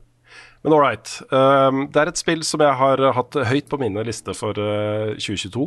Uh, og det er fordi den demoen som ble sluppet av det spillet i fjor, var amazing. Jeg vet ikke om det er noen av dere som har tatt oppfordringen min til å spille Norco-demoen på Steam. Gjør det også. Det spillet her det treffer så utrolig klokkereint på eh, historien det forteller, og med rollefigurene og, og manuset. Og konseptene og ideene bak historien. Eh, men Norco har nå fått lanseringsdato, og det er 24. mars. Det kommer i mars, det også. Eh, og dette her er jo et eh, veldig veldig tradisjonelt pek og klikk adventure-spill. Det kunne ha kommet ut i sånn type 95, liksom. Men det er en Det føles moderne allikevel, da. Så selv om på en måte gameplayet handler mye om å finne gjenstander du skal bruke på andre gjenstander, og uh, få tilgang til låste dører ved å finne nøkkel et sted, uh, ved å snakke med riktig rollefigur og si de riktige tingene, og, alle disse meka mekanikkene som er, er eh, kjennetegnet ved pek og klikk adventure-spill, så føles det som en utrolig moderne historie. Og Mye av grunnen til det er at det har liksom én fot planta i beinhard sånn sosialrealisme. Vi er uh, i en sånn landsby som har vokst opp uh, utenfor og i forbindelse med et oljeraffineri i New Orleans, derav navnet New Orleans Refinery Company. Uh, og det er et faktisk ekte sted utenfor New Orleans som kalles Norco. Så det er basert på det stedet, og det er en del sånn bilder da, fra det området som er brukt som grafikk i dette spillet også. Så det forteller jo da en historie om en, en eh, ung person som har liksom forlatt dette helvetet på jord. Det har vært eh, orkan der som har rasert hele nabolaget, som ikke sant, Katrina. Um, reist ut og kommer tilbake igjen fordi moren er borte og det er skjer en del sånne mystiske ting. da. Eh, og så er det da i, i, i backyarden til huset så sitter det da en androide uh, med veldig sånn filosofisk syn på livet. Og veldig sånn, uh, veldig sånn dype betraktninger om det å være menneske og det å være til stede og det å eksistere og sånt. Så du får en historie da, som kombinerer sånn voodoo, sørstatsmystisisme med eh, beinhard sånn sosialrealisme og science fiction.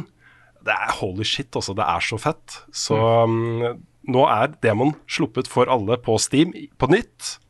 Du kan spille den og ta med deg progresjonen inn i det faktiske spillet. Så, oh, ja, okay. mm, Så det er bare bare du kan starten, spille liksom? den. Ja, det er en god chunk. Du kan, jeg, jeg tror jeg spilte liksom to og en halv time cirka, før det ga meg, og det var fortsatt ikke helt over den demoen. Da. Så få med dere Norco også, NORCO. Jeg tror det her eh, er et spill som kan prege topplistene for 2022 på samme måte som Inscription gjorde det i 2021. Det er liksom på det nivået, da. Apropos datoer. eh, Valve har nå gått ut og sagt at eh, Steamdeck skal nå shippe 28.2. Og hvis du tenker deg at oi, jeg må kjøpe en, så bare glem det. Nope. For det første så er jo forhåndskjøpet av den konsollen ble jo lagt ut i fjor. Der er det allerede lange ventelister. Det er ikke alle de som får, for å si det sånn. Og i tillegg så er vel ikke Norge et av de landene som de skipper til. Så hvis du skal kjøpe, så tror jeg du må til Sverige eller England eh, med en adresse, leveringsadresse der, da, for å kunne få tak i den. Eh, det vil forhåpentligvis bli utvida etter hvert. Men det, ha- altså, dette er langt Det har mye mer for seg enn disse Steam Machines, eller hva de kalte det. Disse spill-PC-ene som de skulle lansere som sånn TV-PC-alternativer. Som eh, alle tenkte sånn Ja, kan det bli noe? Og så gjorde det jo ikke det, da. Det ble jo ingenting. Men dette her, også Steamdeck, har de jo sendt ut til testere eh, jevnlig de siste månedene. Og tilbakemeldingene er nesten sånn euforiske på eh, måten eh, eh, På samme måte som Switch da, eh, gjør ditt bibliotek tilgjengelig overalt, gjør Steamdeck det samme. Med nå da an- annonser denne uka her, cloud, eh, automatisk cloud-synkronisering av save-data og den type ting. Eh, det er kjempemaskin, virker det som, altså. Så denne har jeg så lyst på. Og så har eh, Microsoft uh, uh, uh, fortalt at over 20 millioner mennesker har spilt Halo Infinite. Og det gjør det da til den mest suksessrike Halo-lanseringen i den seriens historie. Og Grunnen til at det er 20 millioner, er selvfølgelig at flestspillerdelen er jo gratis. Ja. eh, Og tilgjengelig sånn litt overalt. Eh, Men det er allikevel eh, en indikasjon da, på at dette er et spill og en, et konsept og en opplevelse Games as a Service-greie som, som har kommet for å bli en stund, tenker jeg da. Det er et betydelig antall mennesker. Crytek har vært ute og bekrefta at de jobber med Crisis 4. En nyhet mange har venta på.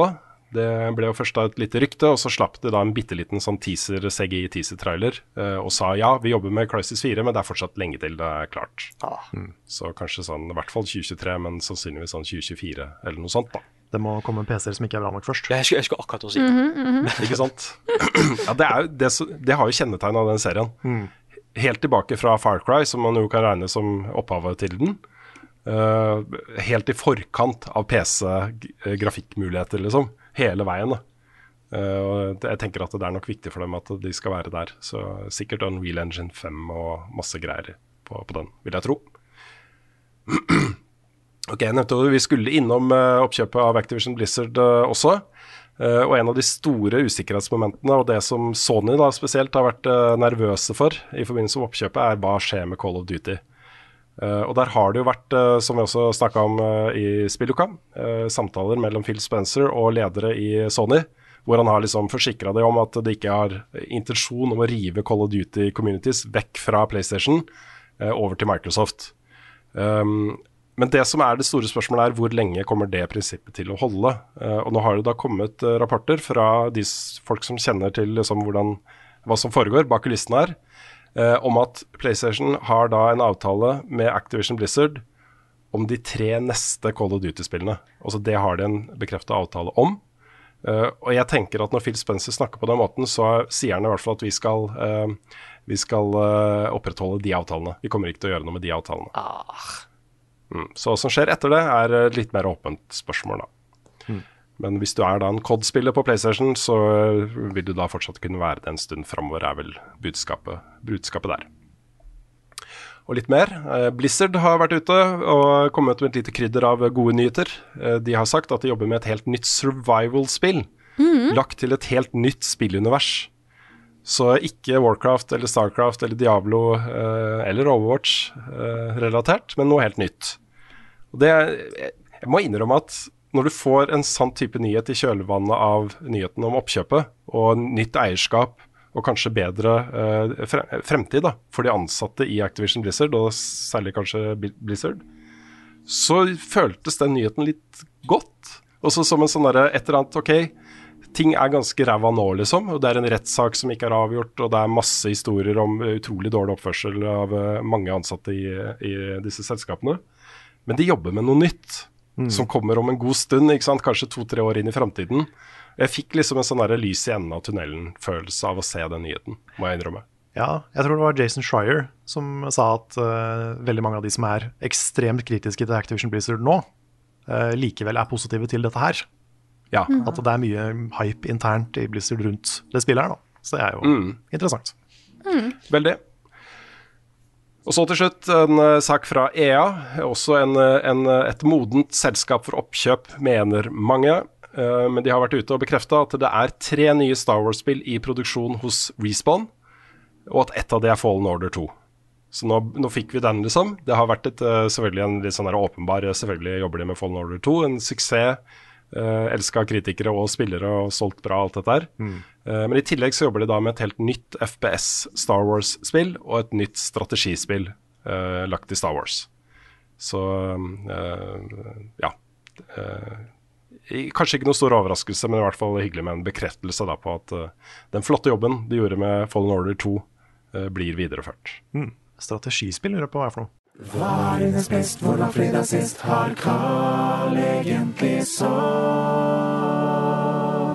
Ukens spørsmål. Vi har fått inn et spørsmål som er relatert til noe vi allerede har snakka om ganske mange ganger i dag, og jeg tenkte vi skulle starte med det. For det er sikkert, eh, og dette vet jeg, eh, at flere som sikkert sitter og river seg i håret for at vi sitter og sier Arceus og ikke Arceus. Ja. Eh, og vi har fått inn et spørsmål om dette her. Det er fra Kevin Aleksandersen. Står dere fortsatt fast på at Arceus uttales som Arceus når, de, når dere sier Arceus Nei, når de sier Arceus flere ganger i trailer osv.? Liten pirketing fra min side. OK. Eh, nå, nå begynner vi på starten her. Eh, Carl, du har hørt at de Altså, det For de har sagt Arceus før, har de ikke det? Men nå vil de bare ikke si Ars. Det er Nei, det er min teori, da. Fordi Ja. eh, i Japan sier de fortsatt Arceus. Mm, er og de sa. Arceus, ja, de sa RCS også på engelsk før. Mhm. uh, men nå som det har kommet et spill, så kanskje det er innsett at eh, det høres veldig ut som Ars. Og derfor så sier de Arceus. Det er min teori. For jeg har undersøkt dette her. Eh, både gått og funnet den japanske uttalelsen, som er Arusius, eh, og Eller noe sånt. Og jeg har funnet grammat grammatikkregler for engelsk for uttalelse av C som S eller K. Og her står det 'Follow these simple rules'. Pronounce the letter C as an S sound if the letter C is followed by the letters E, I or Y. Og siden Ja. det er en E etter C-en, så er det derfor Arceus. Nei, altså, regelen min er sånn som de sier det i spillet eller filmen eller serien. Det er sånn jeg sier det.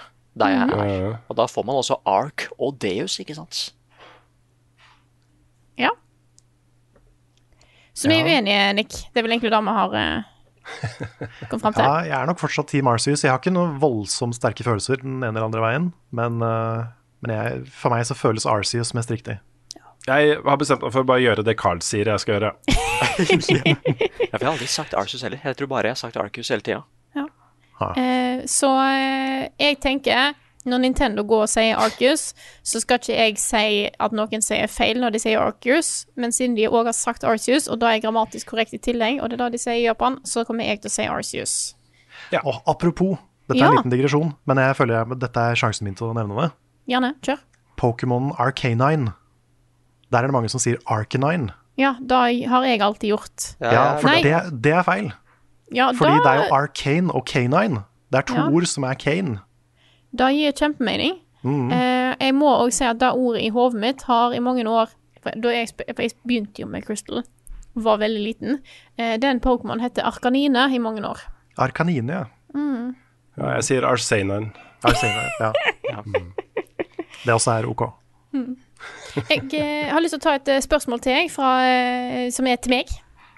Eh, det er fra Stian Østenstad. Han skriver Spørsmål til Frida. Nå som du nærmer deg level cap som kjemiker, vil du fortsette i level up, eller tenker du å konsentrere deg 100% om kjemikerrolla i framtida? Ville jo vært synd om du ga deg, og jeg har ingen planer om å gi meg. Det må jeg innrømme. Eh, Jeg har vist at jeg kan kombinere 100% jobb og level up, eh, og da har Mhm. jeg planer om å gjøre framover òg. Bare så Veldig bra. Så dere, dere blir ikke kvitt meg. Det er ikke sånn at vi skal ha en nye anmeldere nå, så jeg får en erstatter. Langt ifra. Eh, så Hva om vi tjener så mye penger nå eh, i årene framover, Frida, at vi kan tilby deg liksom eh, en million kroner i årslønn og, og sånn for å være daglig leder? da blir det aktuelt, ja. Ja, det gjør det? Ja. Da må vi Nei, også altså, ha et kjemikersett til deg, sånn at du kan, du kan drive med det også. En Ja. egen lab, ja. Ja, få inn et lite avtrykksskap. Det koster bare noen hundre tusen. Det ja, Ja, egen level up lab. Breaking Nei, eh, jeg, det er ikke, jeg, nå sier jeg ikke at jeg eh, kun gir ting for pengene, det er ikke det. Eh, men jeg liker veldig godt jobben min. Mm. jeg, det er en grunn til at jeg nå er inne i niende år med, med utdanning innenfor dette feltet. Så jeg har lyst til å fortsette med det, men jeg liker veldig godt å level up jobben, så jeg har lyst til å fortsette med det òg. Så det er der jeg er. Så har jeg forpliktelser som gjør at jeg gjerne vil ha en, en 100% fast jobb, eh, Mm. økonomisk sett òg, i tillegg. Selvfølgelig. Mm. Nei, Yes! altså, eh, hvis, eh, Bare så folk vet det, da. Dette med liksom eh, tanken om Frida som daglig leder av eh, Level Up AS, er ikke noe vi tuller med, altså. Jeg er helt sikker på Altså, jeg hadde følt meg veldig komfortabel med om du satt på toppen og var den som gikk i de møtene og sørga for at ting ble gjort og sånt. Ja, ja, ja. Altså, det du hadde er nok vært den veldig bra for oss. minst vimsete i level up. Ja. Det er du. Og den som har Yes. mest kontroll på ting. Mm. Takk. Det, det, det, det er alltid koselig å høre eh, hvor mye tro dere har på meg. Da må jeg jo jeg innrømme. Yes, nei, men, eh, skal, vi, skal vi gå videre til neste spørsmål? Rune, har du et på lager?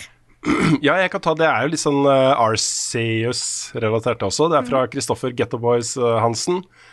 Uh, så spør da hvem skal få TV-en? Konemor som skal spille Arceus, eller jeg som skal spille Elden Ring? Også parentes, Hun bruker å spille Pokémon-spillene i et par måneder i strekk når hun først får klørne i de. Og Her høres det ut som om Kristoffer og kanskje en del andre nå trenger en TV til også.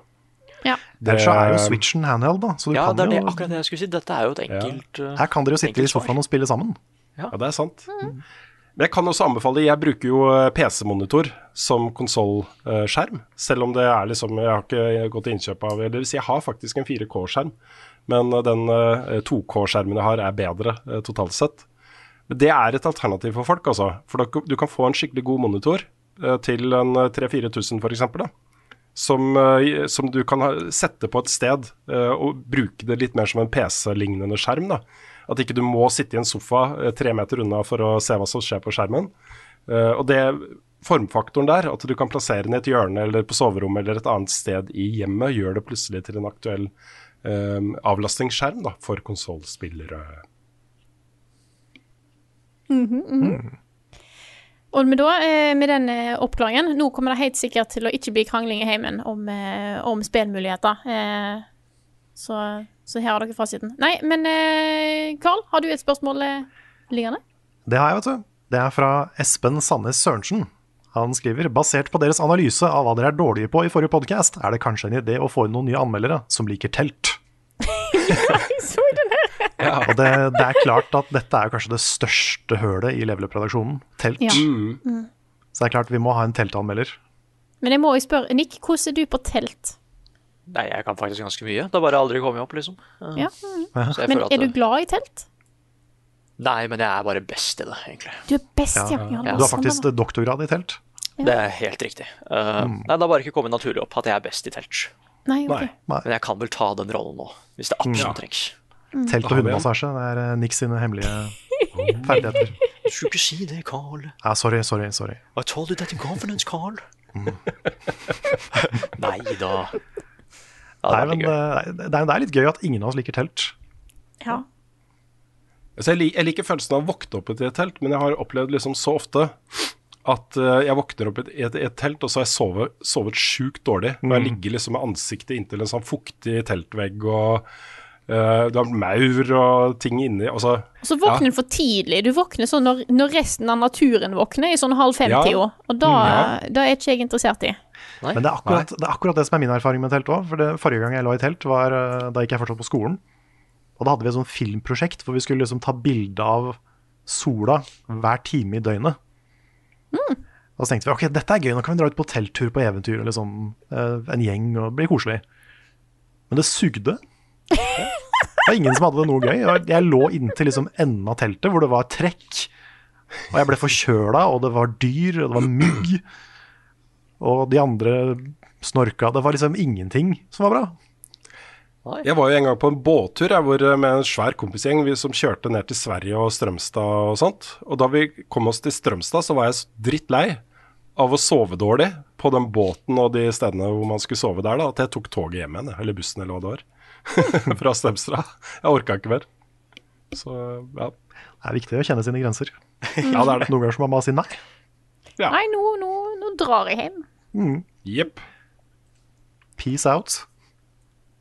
Nick, jeg så det har kommet inn noen anime-spørsmål. Har du lyst til å ta, ta det? Ok, for det er fra på Patreon. fra LT Less. som sier Spørsmål til Nick og Frida. Jeg søker plattformer for å ernære min interesse for anime, men benytter per dags dato kun Crunchyroll.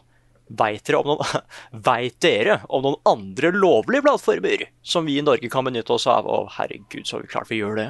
Yes. Du har spurt akkurat de riktige personene. eh, vi kan egentlig bare Jeg kan bare gå rett på sak. Da har du Netflix. Har masse gode anime nå. Så mye bra der. Mm, det er til og med ting som er eksklusive til Netflix nå her i Europa. Som er bra. Ja, Comic Can't Communicate. Fate Zero, masse kult. Eh, så har du Prime Video, eller Amazon Prime. Ryktene sier at Vinland Saga dukker opp der igjen.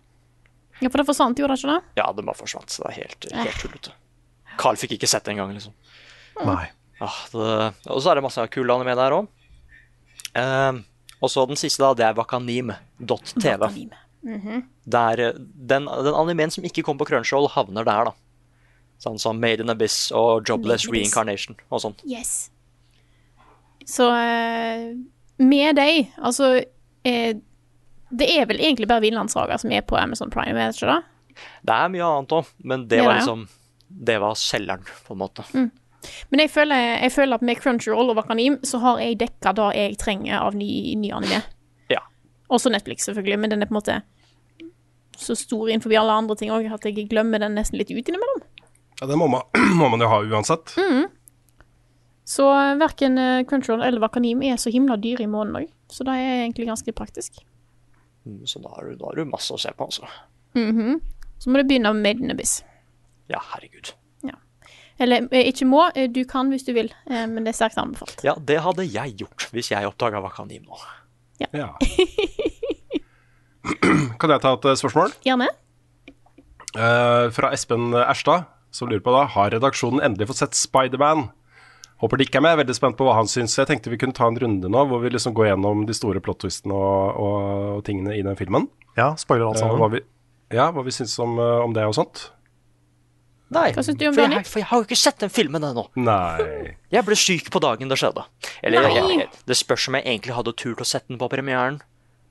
Det var De måtte dytte folk inn i salen i Kongsvinger, så mange folk var det. Uh, Oi, oi, oi. men uh, nei, jeg, jeg skal jo se den i dag. Uh, Ah. Så det vil si at når den podkasten er ute, så har jeg sannsynligvis sett den. Mm. Hørt den er helt OK. En OK Spiderman-film. Ja, ja, ja. Uh, same old, same old. Nei, jeg, jeg, jeg, jeg er så jeg, jeg, jeg er mer spent på den filmen her enn noe annet som egentlig da skulle komme i 2021. Ja. ja. Jeg, var jo, jeg tok jo en full ekspedisjon på mandag. eh, og jeg valgte jo den dagen hvor vi kunne få best plasser på Imax. Eh, så det var den første dagen som, som jeg fikk sandbilletter. sånne billetter. Så jeg dro da med ungene og kona eh, full pakke, liksom, for å se den. Det var litt av en opplevelse, altså. Eh, jeg vil jo si at eh, jeg er ikke sikker på hvor fornøyd jeg er med at også totalt sett, da. Fordi vi gikk og spiste også i tillegg, og så skulle vi ha godteri. Så vi snakker jo over 2000 kroner, liksom, Oi. for kinobilletter og mat til fire personer. Pluss godteri. Oi. Det er mye penger, altså, for å se en film. ja, det er mye penger. Mm. Men det var, det var et event, da. Og eh, jeg vil jo også si, da, uten å spoile noen ting, at, eh, at er uten tvil min favoritt Spiderman-film i Marvel Cinematic Universe. Uh, ja, sånn helt uten tvil. Og jeg, jeg syns også på en måte For den eh, trekker jo noen eh, linker da, til, uh, til Endgame og Infinity War. Og det i mye større grad enn de andre Spiderman-filmene. Og det syns jeg er et veldig godt utgangspunkt for denne historien her. Så, så den var en tøff opplevelse, altså. Jeg er veldig spent på hva som skjer videre nå. Jeg er enig. Jeg syns det var den beste Spiderman-MCU-filmen. Også den MCU-filmen som har vært mest Spiderman i DNA, liksom. Ja, Ja. Så jeg tror du kommer til å like den veldig godt, Nick. ja fordi det er, det er akkurat det jeg vil ha. Det er problemet jeg har med de Tom Holland-filmene akkurat nå. er At de har handla mer om det som skjedde med Iron Man og sånn. Ja. Det er mer liksom tech prodigyen til Tony Stark enn Ja, Spiderman, på en måte. Det er akkurat det, liksom. Mm. Nei, Så jeg er meget spent. Pluss at min favoritt-Spiderman-skurk er jo i den filmen her. Dr. Octopus. Mm, og da håper jeg så klart det betyr at det dukker opp andre Spidermans òg, ikke sant? De må jo gjøre det. Nå har de muligheten, liksom. Så Det er er det en med. Green Goblin der òg. Ah, jeg håper bare de blir brukt riktig. At de ikke er bare hei og ha det, liksom. Ja, jeg skal ikke si noe. Nei, skal ikke si noe. Men i, i forberedelsen til den filmen her, så så jeg også for første gang eh, The Amazing Spiderman-filmene eh, med Andrew Garfield, og det har jeg liksom ligget unna. Eh, litt fordi jeg, jeg, Da de kom, da, så var fortsatt liksom uh, Toby Maguire, Spiderman, så utrolig frist i minnet, og det føltes som en sånn der cash, uh, cash cow. Og så Vi må ha mer Spiderman. Vi bare legger inn en ny Spiderman og forteller en ny historie og sånne ting. Ja, det var litt blasfemi. Det føltes litt sånn, så jeg lot være å se det, men jeg har sett de nå. Og jeg må jo si at, uh, at uh, det, de filmene overraska meg positivt. da. Jeg syns ikke de er sånn er fantastiske, liksom. Men jeg syns Andrew Garfield var en bra Spiderman i de filmene.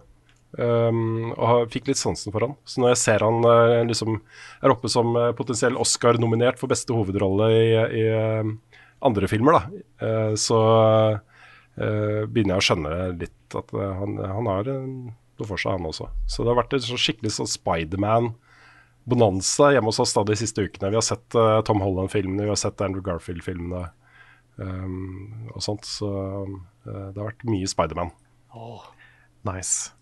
Jeg eh, så filmen på rad fire på Imax, Ja. og det kan ikke anbefales.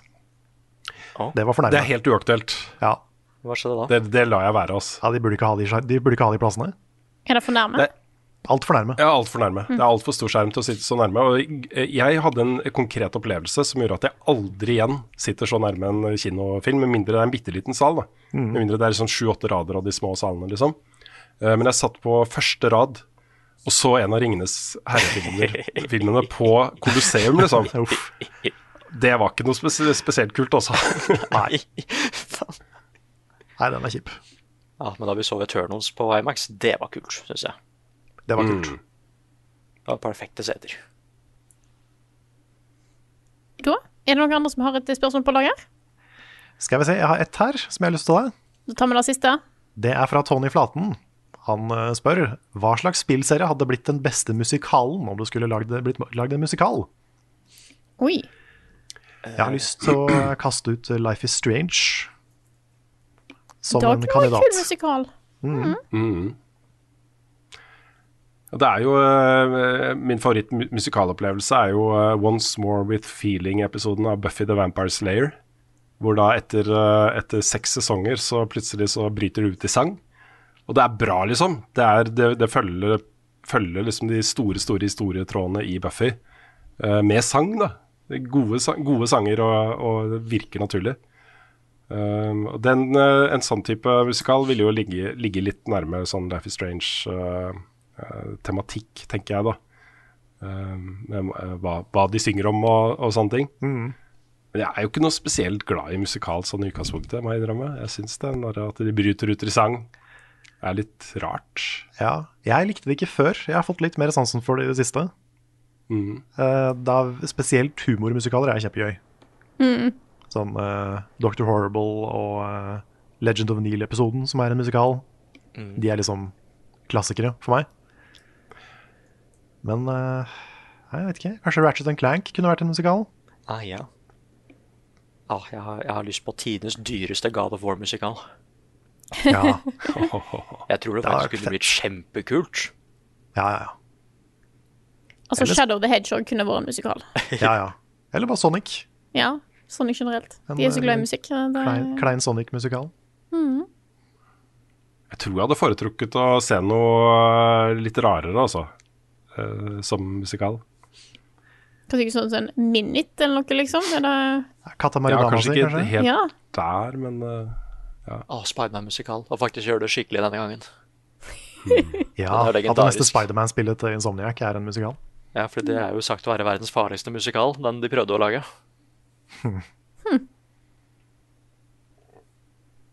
Nei, jeg tror jeg nå, nå sitter jeg bare og tenker på hva som kunne vært musikal. Eh, så jeg lurer på om vi skal Skal vi bare ta runde av? Er det noen som har en siste musikalforslag? Oi. Uh, pressure. Dark Yes. Souls!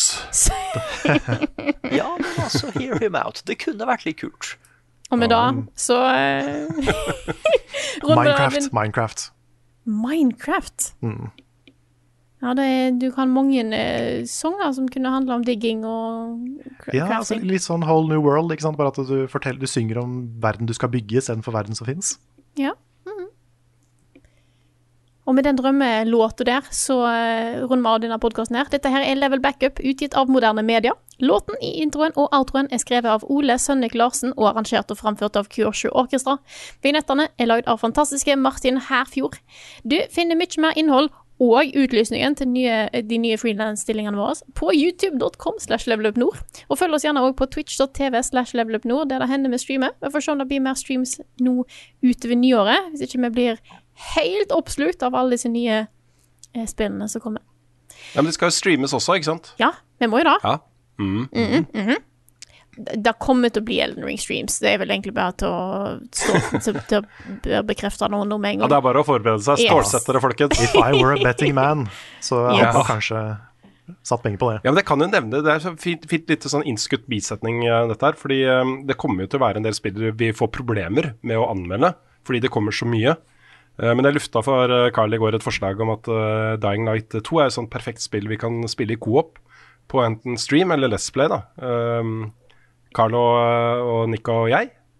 Så lufta det for deg også nå, Nick. Så kanskje. Kanskje det blir eh, den neste store streamen for oss, blir eh, Dying Night eh, 2. Og jeg og Nick har allerede begynt å planlegge Out of Wilds-stream. Eh, vi må bare eh, få avklart det med resten av gjengen som har lyst til å ha med. Det er sant. Yes. Det er så synd det Eh. er vanskelig med login på Final Fantasy, fordi Nick spiller Final Fantasy 14 for første gang. Det hadde vært en dritkul stream. Å ja.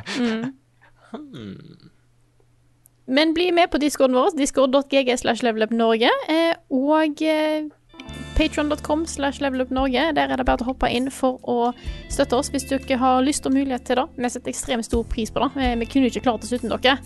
Absolutt ikke.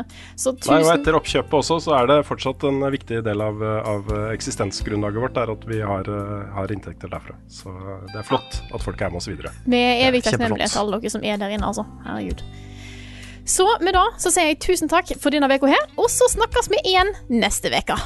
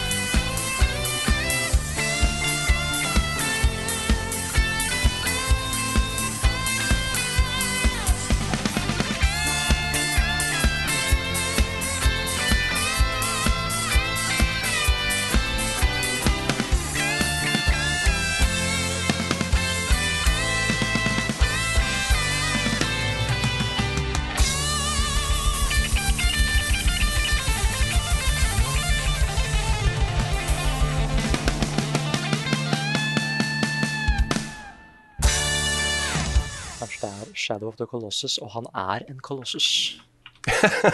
Ja. Og tenk deg om det er han som er hovedpersonen i Shadow of the Colossus. Shadow of the Å, Rock. herregud. Og det er så mange sånne spillkonsepter han har vært så feil til. Sånn. Han er Dante i Devil May Cry. ja, det beste jeg har sett, er jo det bildet hvor de har photoshoppa han inn i den der bøtta i Ja, Getting Over It. det! Den er morsom, altså. Den er bra.